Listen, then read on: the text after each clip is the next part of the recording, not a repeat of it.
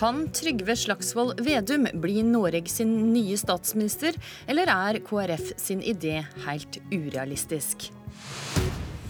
Senterpartileder Trygve Slagsvold Vedum, har du smakt på orda statsminister Vedum siden i går kveld?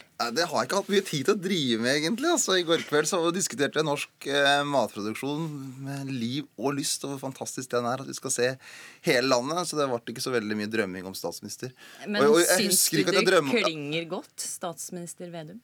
Jeg syns ofte det her posisjonsdiskusjoner skygger over politikkens innhold. og Vi ønsker politikk der vi ser hele landet. og Da ønsker vi å ha bort dagens Høyre-Frp-regjering. Og så ønsker vi å ha en Senterparti-Arbeiderparti-basert regjering der vi utjevner forskjeller istedenfor å forsterke forskjeller. Men Grunnen til at jeg spør, er at Knut Arild Hareide foreslo det som en mulig statsministerkandidat i Dagsrevyen i går. Og er du kandidat til å være statsminister? Senterpartiet vi har vært veldig tydelige på at vi ønsker en Senterparti-Arbeiderparti-basert regjering. Og så syns vi at det er naturlig ved høstens valg at det største partiet skal få statsministeren. Og sjøl om vi er eh, på vei oppover, så, så, er det fortsatt sånn at Arbeiderpartiet er litt større enn eh, Senterpartiet. Så vi ønsker en Senterparti-Arbeiderparti-basert regjering og ønsker å ha fokus på politikkens innhold. Og det er det som er så skummelt med alle disse debattene. Men er du kandidat til å være statsminister, eller ikke? Så det tror jeg svarte veldig godt på det i stad, da vi sa at vi ønsker en Senterparti-Arbeiderparti-basert regjering. Du ønska ikke å være statsminister? Altså, Jeg ønsker å være realist. Og jeg ønsker at vi skal ha en eh, diskusjon om politikkens innhold. Og det som er viktig for oss, er at vi skal ha en politikk der vi sikrer eierskapet til norske naturressurser. Men det er sånn at posisjon er makt, og for å få makt så må man eh, Altså det å være statsminister er jo en eh, Da får du gjennomslag for politikken din. Ja, men hvis du, Posisjon kan også være avmakt hvis du ikke har et tydelig mandat. Og vi ønsker en sterk regjering.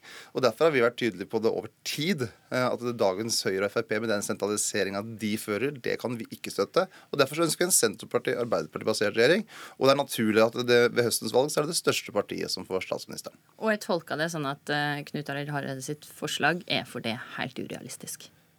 Altså Hvis alle hele Norge plutselig skulle si at nå skal jeg stemme på Senterpartiet, så, så, så, må vi jo tenke på det. Men det har vi ikke bekymra oss veldig mye for ennå. Og det er veldig hyggelig selvfølgelig at uh, Knut Arild Hareide gleder seg over Senterpartiets framgang. Det gjør jeg òg. Eh, og vi håper at vi blir sterkest mulig. og Vi ønsker å ha en ny kurs for Norge der vi utjevner forskjeller, der vi sikrer norsk eierskap, og der vi skal se hele landet og slutte med den sentraliseringa vi ser i dag. Skjønner. Dagrun Eriksen, nestleder i KrF og leder i programkomiteen. Eh, hvorfor kommer Kristelig Folkeparti med dette utspillet akkurat nå?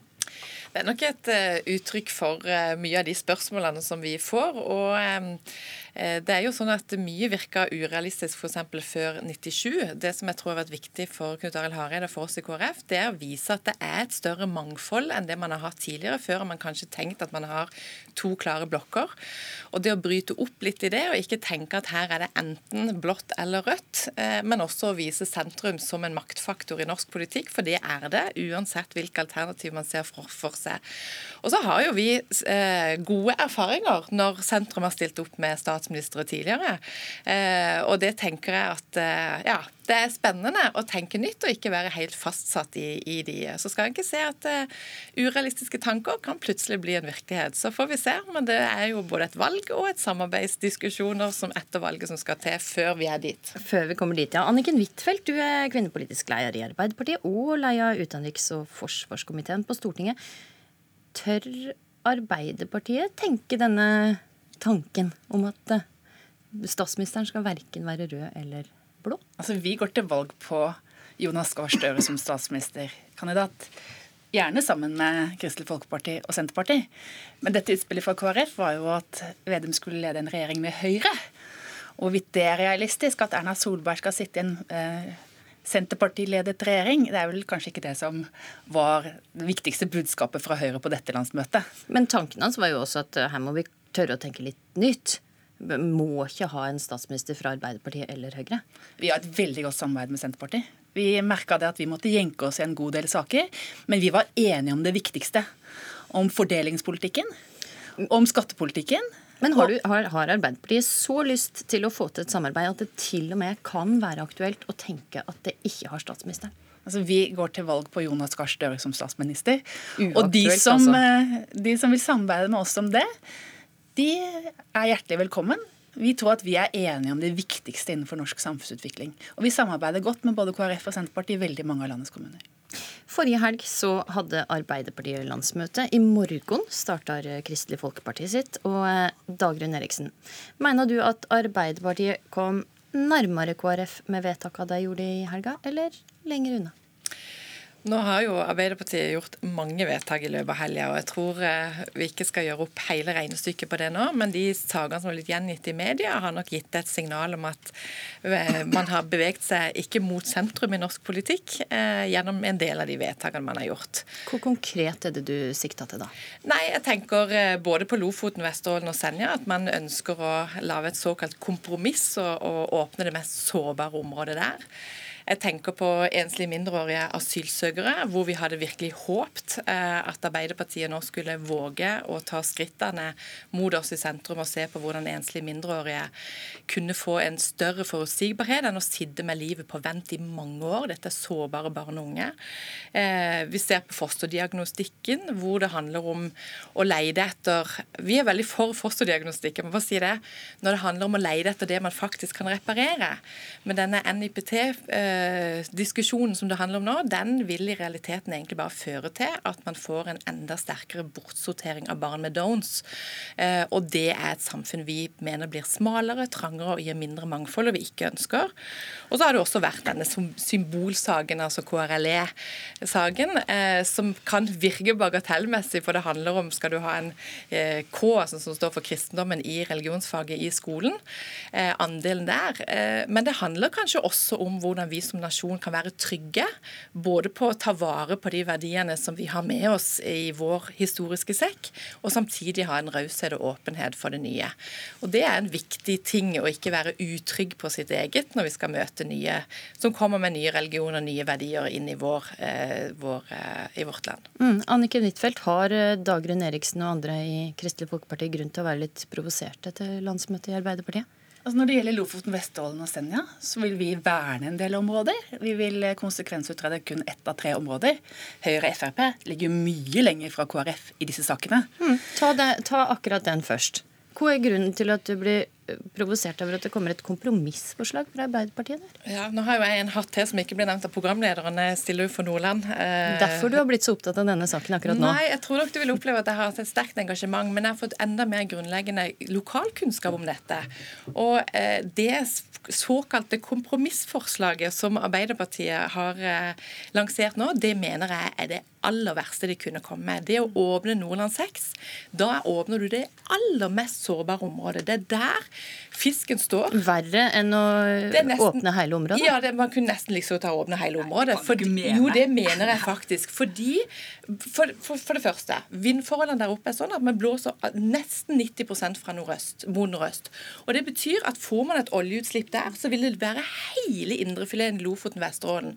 Og der er det fisken står, og det er der han står og gyter. Okay, og det er få... også sånn at i Lokalbefolkningen der oppe ønsker ikke dette. Nå er det et flertall i nord mot dette.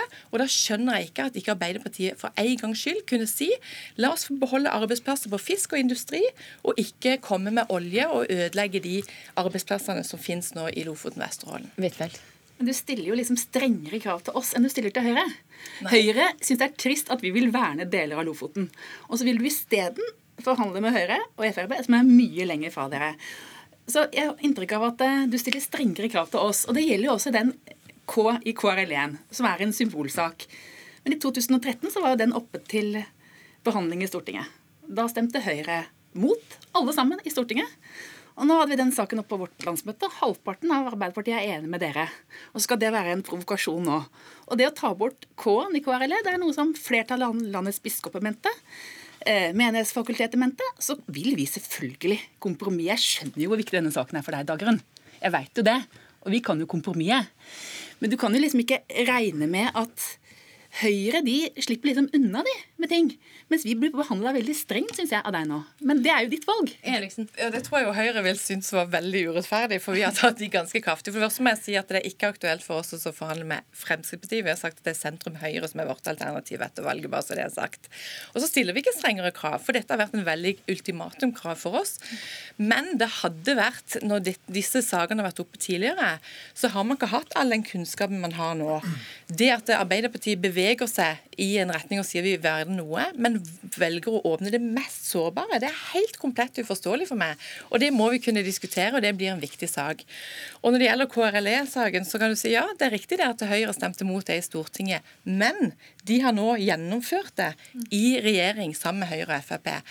Og det jeg tror kanskje som er blitt enda mer viktig symbol på den saken etter hvert nå, er jo at det er ikke bare en symbolsak, men det handler kanskje litt mer overordna. Hvor trygge tør vi å være med vår historie, hvor kristendommen har vært med og gitt oss noen gode verdier for landet vårt, en trygghet og samtidig ta imot en raushet og åpenhet mot det nye som kommer. Skjønner. KRLE gir oss den muligheten. Trygve Slagsvold Vedum, jeg må stille samme spørsmål til det. Har eh, Arbeiderpartiet bevega seg lenger bort fra Senterpartiet, eller nærmere Senterpartiet etter eh, landsmøtet for Jerg?